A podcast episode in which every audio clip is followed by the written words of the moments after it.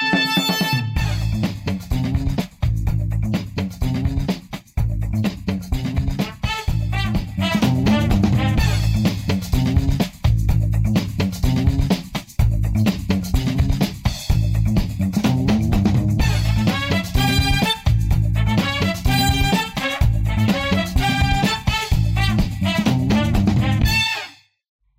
Hjärtligt välkommen tillbaka till Studio Almedalen och Heja Framtidens lunchpodd. Jag heter Christian von Essen. Eh, det här projektet görs i samarbete med Herr Omar och eh, Sustain Change. Och eh, dagens avsnitt sponsras av Samhall och jag sitter här med Samhalls hållbarhetschef Anna Hagvall. Välkommen! Tack så jättemycket, superkul att vara här. Temat för idag är framtidens inkluderande samhälle och arbetsliv. Um, och um, många kanske känner till Samma lite grann och har mm. sett men uh, kan inte du berätta lite mer bakgrund? Vad är liksom Samhall och vad är uppdraget? Mm. Alltså, eh, vi har egentligen eh, en stor utmaning i Sverige som ju handlar om att det är en stor grupp människor som står långt från arbetsmarknaden och som har svårt att få eller eh, behålla ett jobb. Och eh, det är egentligen grundanledningen till varför vi finns och varför vi bildades för idag eh, 40 år sedan. Ehm, vår uppgift är att se till att eh, personer som har någon typ av funktionsvariation eh, och nedsatt arbetsförmåga får ett riktigt jobb och kan vara med och bidra i samhället. Så vi har liksom jobbat med det här med mångfald, inkludering redan innan man nästan satte de orden på det. Mm. Och det är alltså ett uppdrag från eh, regeringen helt enkelt? Ja, vi är ett statligt bolag, mm. Eh, ägs eh, av svenska staten. Och det är vårt uppdrag, det är just det här att, att, att skapa riktiga jobb till personer med funktionsnedsättningar. Ehm, vi, det går till så att Arbetsförmedlingen, de gör en bedömning om, om du har testat kanske massa olika åtgärder men du har ändå väldigt svårt att få ett jobb. Eh, och då kan man få en plats hos oss eh, på Samhall. Och eh, det vi gör då är att vi tar emot den här personen, vi ser till att man får en yrkesutbildning, en introduktion, man blir redo för att jobba helt enkelt. Och sen så skapar vi Sen säljer vi tjänster, så vi är liksom på ett sätt som ett vanligt företag. Att vi, vi säljer tjänster som, som kunderna ska betala för. Vi har lokalvård, vi har tvätterier, vi har eh, inom lager och logistik. Massa olika liksom, eh, tjänster som vi, eh, där vi ska se till då att våra medarbetare kan komma ut och, och eh, jobba på riktigt. Just det. Och du pratar alltså 26 000 personer? Precis. Vi är, vi är ett av Sveriges absolut största företag. Vi finns i hela landet, från norr till söder. I nästan vartenda litet eh, samhälle så kan man se en Samhallbil åka runt eller se en Samhallmedarbetare städa på Coop till exempel eller på Ikea. Och, men vi är också i verksamheter som kanske inte syns lika mycket men där vi till exempel monterar eh, de här baby, eller babysitsarna som många har hemma från Babybjörn. Så att eh, vi finns lite överallt faktiskt i samhället. Just det. Har, det, har den typen av jobb som utförs eh, utvecklats eller förändrats någonting under de här eh, decennierna? Verkligen. Alltså vårt uppdrag har hela tiden egentligen varit precis detsamma. Men för att för oss är det ju liksom, eh, målet för oss är ju hela tiden att få människor i arbete och också faktiskt att lämna oss med ett riktigt jobb. Eh, men vår metod, det är ju att sälja äh, tjänster eller, eller varor till företag som vill betala för det. Och vi måste ju sälja tjänster som någon vill köpa. Det är liksom grunden. Um, så vi är ju på en, en konkurrensutsatt marknad, så vi har ju gjort en jättestor omställning från när Samhall bildades för 40 år sedan så var det en sammanslagning av tror jag, ungefär 350 eh, skyddade verkstäder som fanns liksom över hela landet slog ihop alla dem och bildade eh, ett, det här då samhällsföretaget, eller Samhall som det sen blev. Eh, och sen har ju vi behövt utvecklas i takt med att arbetsmarknaden har utvecklats. Det finns ju inte längre den typen av produktion i Sverige. Vi har ju producerat allt ifrån eh, mobil, eller batterier till eh, Ericsson mobiltelefoner, vi har odlat tomater för länge sedan, vi har eh, gjort eh, träskor. Alltså, varmvattenberedare, jättemycket. Men den typen av produktion har ju flyttat utomlands. Eh, så vi har ju då gjort en omställning till att bli idag i princip ett tjänsteproducerande företag eh, där vi ju då, eh, ja, mycket kopplat till liksom personalintensiv eh, som lokalvård, som då tvätterier som jag nämnde, som våra eh, lager och logistik, den typen av, av eh, verksamhet. Ja. Och tidigare fanns det kanske en föreställning om att det här var någonting man gjorde för att vara snäll mot en viss typ av människor. Men det här är ju, som du säger, det är, det är en marknad. Och det är ja, men det är en marknad och, och, och liksom, det är ju, alltså, vi utgår ju i grunden från att här, människor kan, eh, kan jobba om man får ge dem rätt förutsättningar. Det är, och det är vår uppgift att liksom, ta fram det hos, hos eh, var, varje person. Eh, och det, eh, och, och, det är ju en jättestor liksom, vinst för individen men också för samhället när man kan eh, flytta personer från utanförskap, från liksom, långtidsarbetslöshet in i, i att faktiskt också bidra och, och utföra riktiga jobb. Just det. Och, eh, som jag förstår det har det gått från eh, ganska hög andel funktionsnedsättningar i form av fysiska funktionsvariationer eh, till eh, mer kanske mot psykisk ohälsa i de senaste åren. Är det, är det en sån Ja, men vi, har ju, alltså, vi har ju sett en ökning av eh, här, kognitiva funktionsnedsättningar, eh, absolut. Och det eh, är, går ju liksom i linje med hur det ser ut i samhället, att den typen av diagnoser har ökat jättemycket de senaste åren.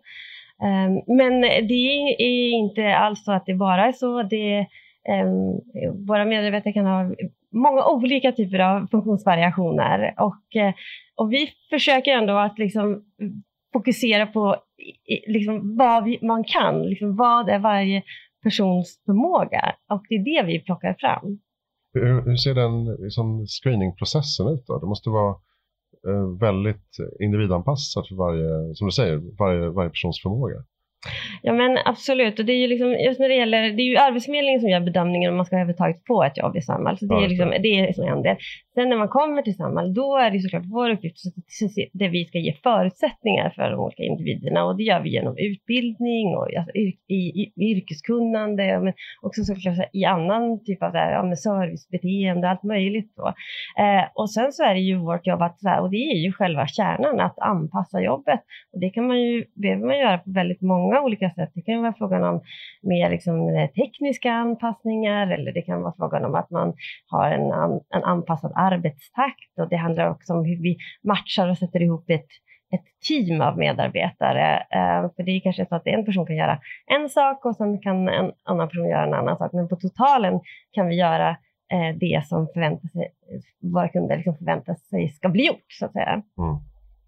Men ni har också ett uppdrag att eh, 1500 personer ska hitta jobb utanför Samhall. Hur ser den uh, ja, vet du, det, det här, jag, jag brukar, jag brukar säga, säga till, eh, till folk jag pratar med att ja, men tänk så här, Samhall är liksom som vilket företag som helst, fast tvärtom lite grann. Det, det finns ett antal grejer som är liksom helt annorlunda. Och det är det här, det som vi väljer inte våra medarbetare, det gör Arbetsförmedlingen och det är liksom att vi finns i hela landet. Vi bestämmer inte heller var vi, vi ska finnas och så. Men den, och den tredje grejen som är, eh, är annorlunda, det är att vi vill att våra medarbetare ska sluta också. Eh, så där har vi faktiskt ett mål och där vi varje försöker få liksom, ungefär 1500 personer att hitta ett nytt jobb utanför, eh, utanför Samhall. Då. Och, eh, så där jobbar vi jättemycket tillsammans med företag som har behov av att rekrytera, som, har, eh, eh, som ser den här möjligheten i våra medarbetare, som ser att här finns det en kompetent liksom, yrkesgrupp som faktiskt är tillgänglig och som, som vill ha ett jobb. Um, så att, um, ja, vi jobbar till exempel med ja, flera av um, hamburgerrestaurangerna för att uh, täcka deras kompetensbehov, flera hotell också där man ser att det, det skapar ett värde för dem. De har behov av den här typen av, av kompetens och det är bra för, för individen som kan utvecklas och hitta nya vägar framåt. Och det är jättebra för samhället och Samhall, för när någon slutar hos oss då, då får vi möjligheten att plocka in en ny person som då har, har befunnit sig utanför och får komma in i Samhall, få den här möjligheten till en, ett, en, ett jobb och en, en gemenskap och fika, kompisar på lunchen mm. och allt vad liksom det här att ha ett jobb betyder. Ja, som jag pratat om en del eh, på den här, i den här studion under dagarna nu, att eh, alltså vikten av sammanhang och gemenskap ja, och ja. Eh, kontext för att kunna växa som människa. Och det, är ju, det ser man ju att det just att, här, att ha ett jobb är ju liksom den här, det är ju en sån himla grundförutsättning, alltså, som ju såklart liksom har att göra med liksom självförsörjning och liksom ekonomisk trygghet och, och, och med allt vad det är. Men det är också kopplat till att så här, din hälsa och ditt välbefinnande och din livskvalitet. Någon bryr sig om du är sjuk och att känna stolthet över att man, att man producerar någonting som någon annan vill ha. Alltså det är ju en superviktig del som jättemånga av våra medarbetare liksom hela tiden eh, berättar om också. Mm. Um, du är hållbarhetsansvarig, eller hållbarhetschef. Ja. Uh, varit på Samhall ungefär fem år. Ja. Um, jag kommer från juristbakgrund från början. Ja, precis. Jag har, jag, jag har gjort någon slags liten, eh, för mig logisk eh, snurra, men så att jag började ju började som jurist, inriktning mot mänskliga rättigheter och jätteintresserad av, av det. Så det var liksom min ingång i, i juristvärlden eh, eh, och, och, har alltid haft ett liksom starkt engagemang för mänskliga rättigheter och så. Eh, men ehm, började sen ta ting, den vanliga juridiska eh, snurran, började på en affärsjuridisk byrå, jobbade med, där jobbade jag med miljörätt och fick upp ögonen för det mycket mer. Och, eh, och därifrån så började jag jobba med klimatinvesteringar i utvecklingsländer. Mm. Uh, och då började man ju, liksom, kunde jag också börja koppla ihop det här liksom, med miljö, men också med mänskliga rättigheter och människor. Och liksom, när man gör den här typen av, då, i det, som det var i det fallet, då, projekt i, i utvecklingsländer, så måste man ju beakta alla de här, alltså alla hållbarhetsaspekter. Man kan inte bara göra någonting som är bra för klimatet, det måste också funka för lokalsamhället, för de som jobbar i projektet. Liksom man måste, så, så, det var min ingång faktiskt till det här bredare hållbarhetsarbetet. Och nu tycker jag liksom att eh, att vara tillbaka på, att vara på Samhall i den här rollen är också fantastiskt för att man får den här möjligheten att verkligen så här, i grunden jobba med någonting som bidrar till ett hållbart samhälle.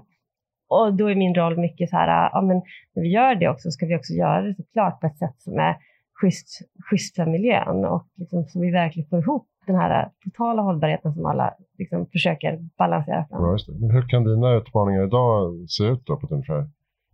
För jag menar, hela bolaget är ju social hållbarhet, eh, kan man säga, det benet. Ja. Men ja, det är klart det är mycket arbetsmiljöfrågor och sådana saker hela tiden. Men eh, hur jobbar ni med klimat och miljöfrågor um, och eh, ekonomisk hållbarhet? Ja, men alltså, det är klart att vi, eh, dels så försöker vi minska vår egen liksom, miljöpåverkan i stort. Och liksom, det, vi vill ju att våra tjänster som vi levererar ska liksom, vara, ha en så låg miljöpåverkan som, som möjligt. Det ser vi ju också en jättestor, mycket större efterfrågan på, att kunderna vill ha det på det sättet. Och vi ställer om vår fordonsflotta ska minska våra utsläpp med eh, 50 procent nu till 2025 och det ser väldigt bra ut. Men sen tittar vi ju otroligt mycket också på liksom, vad Alltså hur kan vi hur kan vi göra den här äh, miljömässiga omställningen på ett sätt så att den inkluderar människor? Äh, det tror jag är, liksom, det är där vi har vår största liksom, impact. Äh, och det är där vi verkligen kan spela en stor roll. Och det vi ju, eh, gör nu mycket är ju att försöka se det. Ja, men om vi, vi vet, liksom, vi lever som att vi har eh, liksom, fyra jordklot. Det måste vi sluta med eh, igår. Eh, och eh, aha, det betyder att vi ska göra massa saker på ett annat sätt. Liksom. Och då, då vill ju vi se, så här, ja, men när vi gör det då, okay, vilka tjänster kommer behövas då? Hur kan, hur kan våra medarbetare vara en möjliggörare för det?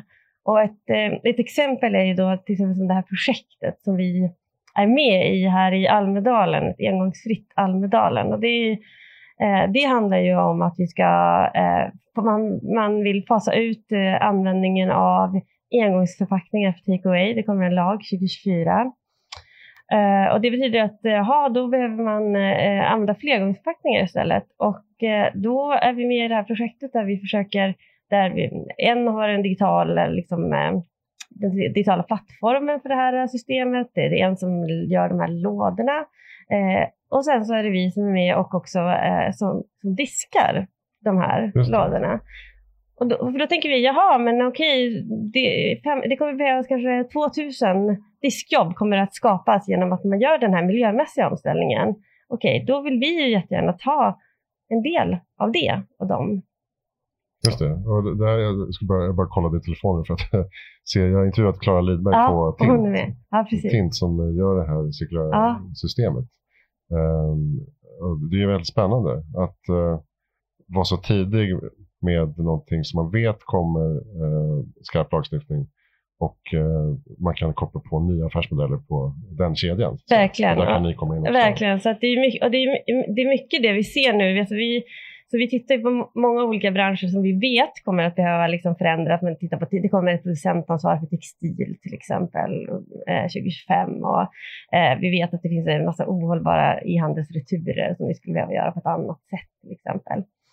Och, eh, eh, och det vi ser är att det behövs en ny typ av så här samverkan mellan olika aktörer för att få till de här liksom nya affärsmodellerna. Eh, och eh, det är där som, och så att det här, alltså, bara i det här projektet har vi märkt liksom så här att, att man ska få ihop alla och man behöver jättemycket samverkan och man behöver jättemycket liksom, testa. Um, så, att det, det, så det tror jag kommer vara en framgångsfaktor, att våga, eh, våga testa tillsammans med andra. Mm. Och jag såg att eh, Samhall är inspirationskälla till andra Eh, länder som tänker lite i samma banor. Finns det, finns det konkreta exempel på liknande upplägg i andra länder? Vet du?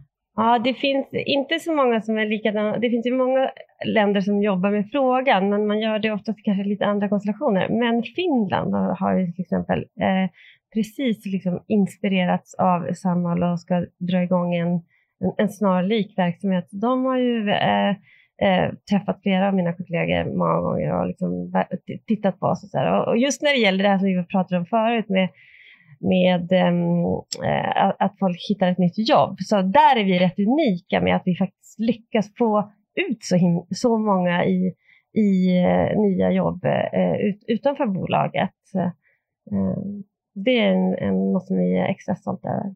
Mm. um Samtidigt så, eh, ni kommer ju in ganska sent i processen om man tänker till exempel eh, psykisk ohälsa och sådär. Det har gått ganska långt då för den här individen. Vad, vad behöver man fokusera på ur ett samhällsperspektiv tycker du, om vi ska gå lite bredare? Ehm, insatser i skolan redan för att liksom eh, Ja. både inkludera och förebygga Ja, problematik. Alltså dels så, så, så är det klart att eh, det bästa vore ju liksom om ehm, ingen, att vi inte behövde finnas. Alltså, det är ändå så att man ska pröva också massa andra saker innan man får ett, ett, ett jobb hos oss.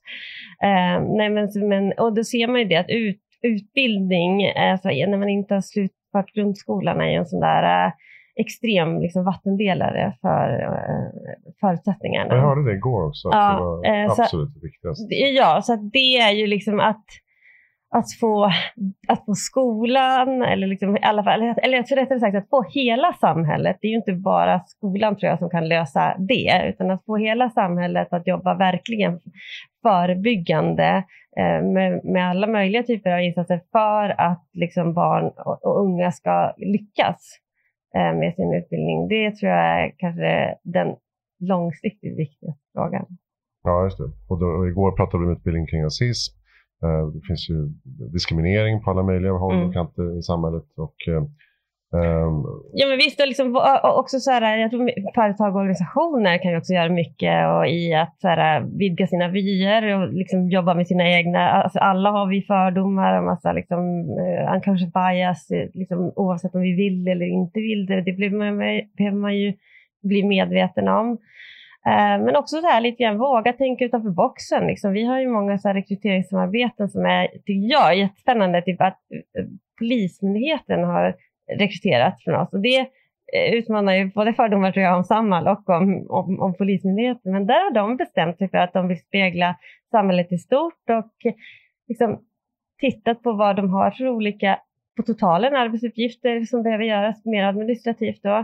Eh, och, och alltså aktivt valt att skapa roller som fungerar för den här målgruppen. Så att man kan, man kan ju om man vill också eh, göra jättemycket som enskild organisation eller företag. Mm, det känns som att eh, många företag och framförallt kanske privata sektorn eh, det blir en väldigt snäv rekryteringslåda man, eh, man jobbar med hela tiden. Jag vet att ni, ni har ni pratar om det här också, ni pratar om Samhall-metoden ja. och den normativa boxen. Ja, men precis. Vi, vi måste ju alla liksom, liksom eh, försöka komma, komma ur den. Eh, och det finns ju också ett jag, jag, tror också så att man måste verkligen försöka se värdet som finns i att göra det här. Och, och se så här, det är ju jättemånga företag idag som har eh, supersvårigheter i att rekrytera personal. Alltså det finns ju ett jättestort kompetensbehov i, i många branscher och kommer bli också eh, ännu svårare i, i typ vård och omsorg till exempel. Så där. Uh, och då behöver man ju, eh, då behöver man ju titta brett. Då behöver man ju se att liksom, här finns det en grupp uh, som faktiskt uh, skulle kunna jobba om man fick rätt förutsättningar och liksom verkligen jobba med att, att ta in dem. Mm. Vad, vad möter ni för typ av missförstånd eller förutfattade meningar eller sådana saker om, om Samhall?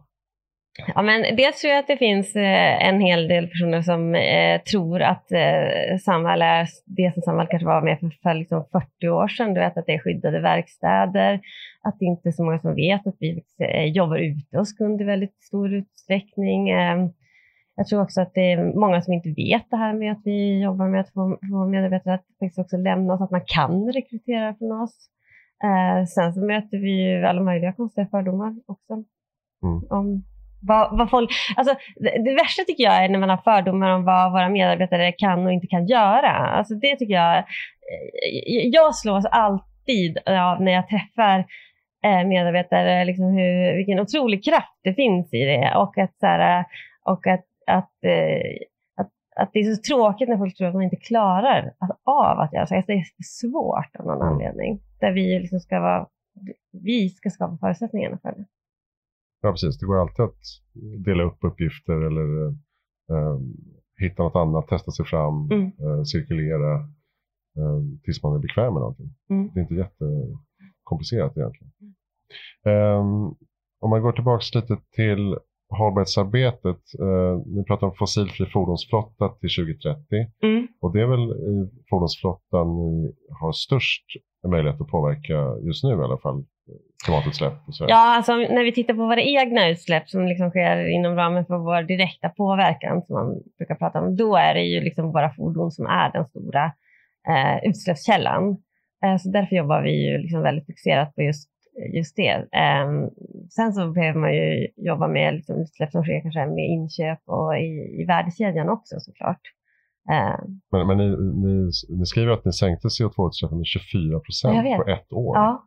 Bara genom att byta från, HVO till, eller från diesel till HVO? Ja, precis. Och eh, elektrifiering av, ja. eh, av fordonsflottan.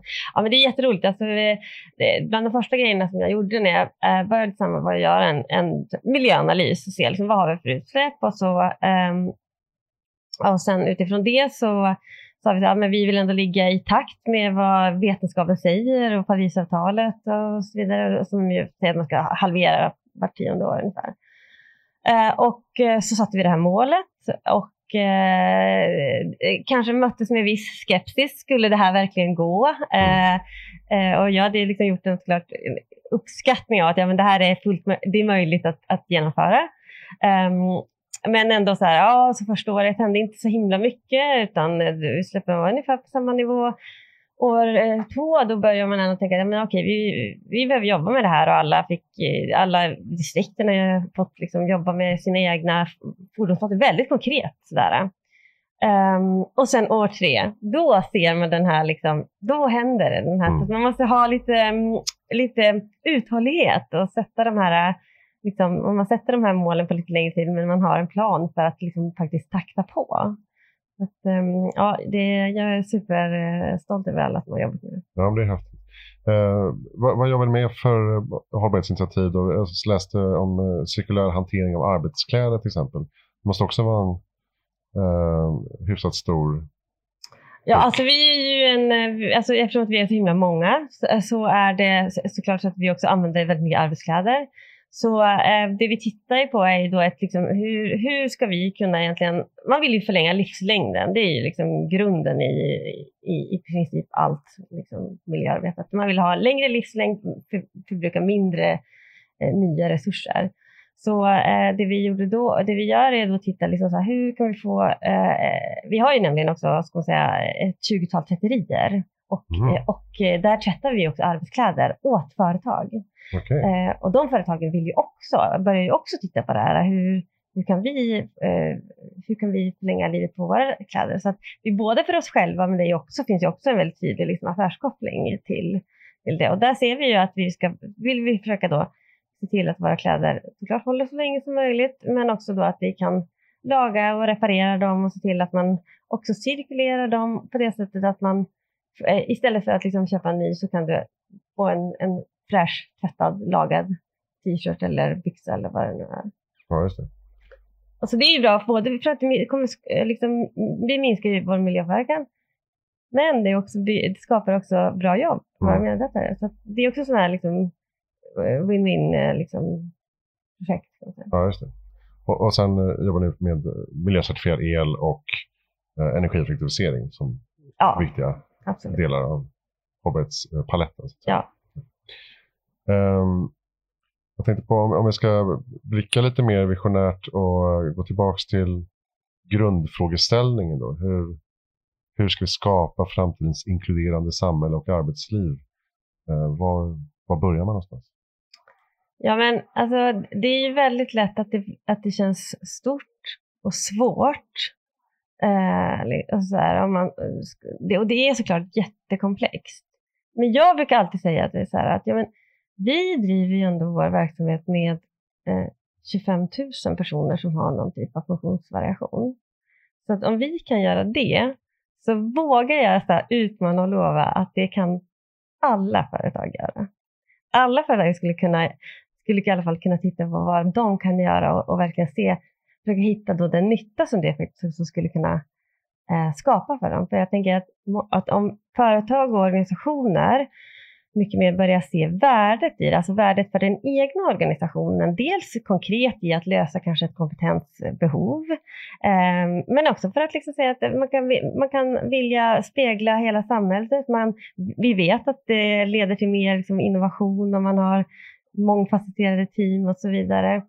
Det finns många skäl där, till, till liksom att se sitt, men alla företag måste se sitt eget värde i det. Det kan nog variera.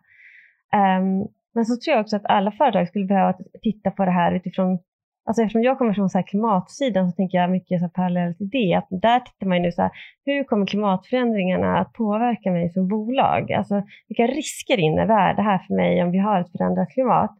På samma sätt skulle företag behöva titta så här, okej, men om vi har det här växande utanförskapet i samhället, vad betyder det? Vad innebär det för risk för mitt företag? Mm. Hur kan jag liksom, hur, och hur kan vi, ja, hur kan vi förhålla oss till det och vad kan vi göra för att minska den risken? Så både se liksom nyttan direkt för företaget och göra någonting och agera på det och också förstå att liksom, om man gör det så bi, och bidrar till det här liksom mer ska säga, inkluderande samhället så skapar man också bättre förutsättningar för att bedriva näringsverksamhet i stort i samhället. Mm, verkligen. Nej, jag, jag, kan tycka att många säger och tycker att de är öppna och inkluderande och står för mångfald. Eh, men här, vi råkar bara vara eh, vita medelålders män allihop. det, det är lite lustigt. Vi rekryterar väl kompisar och så. Ja, det, det är nästan så här, det är nästan tror jag värst när man, när man, när man tror att man är liksom väldigt inkluderande. Det är väl kanske risken att man inte är det alls. Nej, precis. Eller att man inte har någon mångfald, för att då är man jätteinkluderande för att vi är alla likadana och tycker likadant. Ja, precis. Men vi är jätteöppna. Ja, precis. Så här, vi, vi får alla tycka precis likadant. Nej, jag jobbade med ett, ett företag som ville, det var en styrelseledamot som, de hade fått in en kvinna i ledningsgruppen eh, till slut. Då sa han, det här ska vi fira, det här ska fram på omslaget på årsredovisningen, det här är stort. Och alla bara, jag tror inte att du ska eh, skryta om det här. Nej, nej då har han en bit eh, kvar tror jag i, i det. Precis. Um, jag, tänkte på, jag brukar ju fråga, vad är ditt bästa tips för att göra världen bättre i framtiden? Uh, nu har vi pratat i princip om det i och för sig. Men eh, om du får utgå från dig själv. Ja, men jag vet inte, jag lever ändå just i det här devisen att alla kan göra någonting. Man får inte låta sig förlamas av att eh, det känns för stort och för komplext. Liksom. Man behöver, eh, och liksom, att, man, eh, att, att, man inte bara tänker utan att man gör saker. Um, så att uh, våga prova anställa den där personen som du kanske inte hade tänkt eller ja, testa det där samarbetet uh, med någon som uh, kommer från något annat perspektiv. Och så där. Det är mm. väl ändå min, min grundinställning.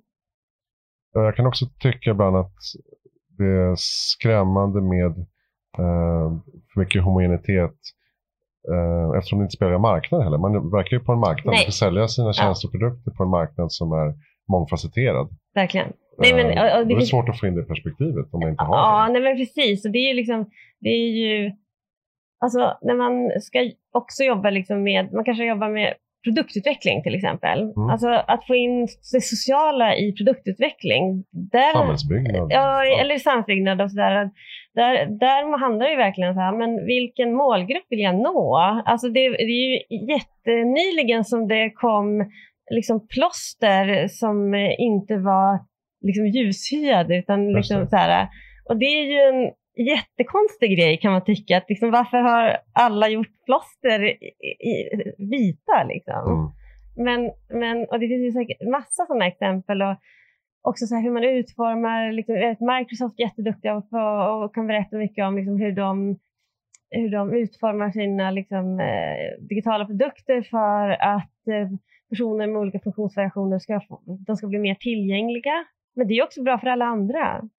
Mm. Så att det finns ju massa sådana saker i liksom produktutveckling som är kopplade till liksom, som social hållbarhet och som är lönsamt för företag att göra. Just det. Men, men ni hade något, an, något andra samarbeten nu på Gotland, va? förutom äh, äh, matbiten? Äh, hem, hemtjänsten till exempel? Ja, precis. Och det, det är ett ett eh, nytt samarbete. Eh, vi har ju en verksamhet här på Gotland. Eh, alltid, vi har ungefär 200 medarbetare som, okay. eh, som jobbar här i alla möjliga typer av eh, uppdrag. Men ett sånt nu, tycker jag, jättespännande eh, uppdrag, det är ju att avlasta hemtjänsten under sommaren nu framför allt. och där vi då kan göra lättare sysslor och, och så. Och det är ju ett område där vi ser också just det här alltså liksom stora kompetensbehovet. Alltså i hela landet mm. så finns det ju ett jättestort behov av att eh, få folk till, till vård och omsorg. Och där ju vi eh, säger att vi kan vara en del i den lösningen och där, man, där vi då kan avlasta liksom sjukvårds eller liksom omsorgspersonalen för att göra eh, andra sysslor och då eh, tänker vi skapa bättre faktiskt både för brukaren och för kommunen eller regionen. Ja, precis. Jag har förstått det som att det inte kanske är rena vårdtjänster Nej. i det här fallet utan städ och ja. laga mat eller ja. köpa mat och sådär. Ja. Det är förstås otroligt värdefullt. Ja, så att, eh, och då kan ju också de som är, är liksom utbildade just för med de här omvårdnads och eh, tjänsterna, de kan fokusera på det och, och skapa bättre förutsättningar arbetsmiljö för dem. Mm. Så att, um, det är också ett sådant område som om man tittar lite längre fram där vi, där vi tror att vi, kan, att vi också kan bidra. Om man säger generellt, du har jobbat mycket med klimatfrågor och eh, utanförskap och så vidare. Ser du ljust på framtiden? Ser du att saker, vissa saker går i rätt riktning? Alltså jag tycker att allt går för långsamt. Ja. Alltså det är ju jättesvårt att inte bli eh, eh, frustrerad. Liksom, vi vet typ allt. Alltså det är inte som brist på fakta eller så här, så, men, men det går ju för långsamt. Alltså det blir ju, eh, och, och och sen så är det ju det här att man, blir, man är så fokuserad just nu på klimatfrågan, vilket man måste vara, absolut. Men man, när, när vi gör det här måste vi försöka få med de här andra perspektiven också, för annars kommer vi bara köra i diket på något annat. Så när vi, att I det här, vi är i någon slags fas där vi ska liksom omdefiniera hur samhället ska fungera och då måste vi verkligen liksom inte göra liksom allt lika och så bara byta ut eh, en, alltså minska koldioxidutsläppen utan ta, ta chansen nu. Vi har faktiskt möjligheten att göra det här till också ett mer rättvist och eh, inkluderande samhälle. Mm. Jag tycker ändå att den frågan har mognat lite grann. Ja. Eh, kanske i och med att hållbarhetschefer har fått lite större mandat, lite mer komplexa arbetsuppgifter. Eh, man har mer eh, parametrar att ta, Mm. förhålla sig till. Mm. Eh, Så jag märker att jag jobbar mycket med matfrågor och så Ja. och det är inte bara koldioxid längre. Nej. Nu börjar man titta, ja, växtbaserat, jättefint. Är det nyttigt? Alltså, Ja, är det ner he- hela nivå. hälsofrågan, Ja, biologisk mångfald. Vi, ja. och, då blir det ju liksom också så här, eh, jä- jättekomplext. Och, och det är det ju. Men, eh, men man, måste också, man får ju orka hålla två tankar i huvudet samtidigt lite grann. Och, eh, och sen måste man göra mycket mer. Alltså, och så, inte bara prata, utan ta action. just det. Ehm, har ni bra lästips? Oh, Kunde jag förberett dig på? Ja, verkligen, verkligen. Ja, alltså, eh, alltså det, det senaste, nu, nu är inte det ett hållbarhet, ja, alltså ett, en hållbarhet, om du vill ha en hållbarhetsbok som jag tycker är bra, Ja, då är, den här, då är det ju Patagonias eh, eh, vd eh, Let My People Go Surfing, den gillar jag. ja, men den har jag hört flera tips om Ja, faktiskt. den, och, den, och den är ju liksom också mer en någon slags managementfilosofi i det och, eh, och eh, intressant för att de är som föregångare och har gjort det länge. Um, annars så lyssnade jag på eh, eh, boken eh, Kvinnor jag tänker på om natten som jag tyckte var väldigt bra. Eh, av en finsk författarinna som heter Mia någonting på K, jag vet inte exakt. Mm. Handlar om, ehm, ja den är nog kanske li, lite självbiografisk och handlar om eh, den här då, journalisten i 40-årsåldern som inspireras och intresserar sig för kvinnliga äventyrare och sen så reser hon i deras fotspår. Och, Alltså en riktig historia? Eller, ja, jag, jag är lite osäker på om den är riktig eller halvriktig, men, men den, Känns riktigt. det känns i alla fall det känns autentiskt. Och eh, där hon eh, ja, eh, reser då i till Karin Blixtens fotspår och, och åker till Tanzania. Och så får man lära sig en hel del om kvinnliga äventyrare, om, eh, om, eh, om eh, eh, ja, inspirerande historier. Och samtidigt är det en parallell berättelse om hennes eget sökande kanske. Den är ja, men Det bra. låter coolt. Ja. Har ni bra tips på vem jag kan intervjua? Någon spännande person? Någon spännande person. Alltså jag vet inte, har du intervjuat, nu har jag helt koll på vilka, men... Du har inte koll på mina 344? Ja, jag har inte, inte koll på alla du har, har pratat med, men eh, eh, alltså eh, eh, Mattias Goldman är väldigt inspirerande att lyssna på. Det har jag faktiskt inte haft med. Ja, jag- lyssnade på honom igår kväll, det var jättekul. Just det, tidigare Sweco och numera... Ja, och har jobbat i miljö och klimat i hundra år. Just det. Okej, vi ska börja avrunda det. Eh, Ska vi, ska vi sammanfatta eh, det vi pratat om på några meningar? Framtidens inkluderande samhälle och arbetsliv. Vad är det vi behöver? Ja, men vi måste se alla förmågor som faktiskt finns i samhället. Alltså, vi måste ta vara på den kraft eh, som finns hos alla människor. Ehm, och eh, när, vi gör, när vi gör den här miljömässiga omställningen ska vi se till att göra den på ett riktigt så här, inkluderande och bra sätt. Och alla kan faktiskt bidra i det. Ja, men det får bli bra slutord. Tack snälla Anna Hagvall för att du kom till Heja Framtiden och Studio Almedalen. Tack så mycket. Eh, Studio Almedalen eh, rullar vidare förstås eh, här från eh, eh, Kramergatan. Är det va? Eh, precis, får nickar. Det är så många tält så jag ser inte. Eh, det här projektet görs i samarbete med då Herr Omar och eh, Sustain Change som jobbar för hållbart liv och arbetsliv. Och eh, dagens avsnitt presenteras i samarbete med, med Samhall. Eh, jag heter Christian von Essen och eh, kör min egen podd på Heja Framtiden och eh, där finns information på hejaframtiden.se. Eh, vi ses vidare framöver och nu ska vi fortsätta mingla i Almedalen. Tack för idag.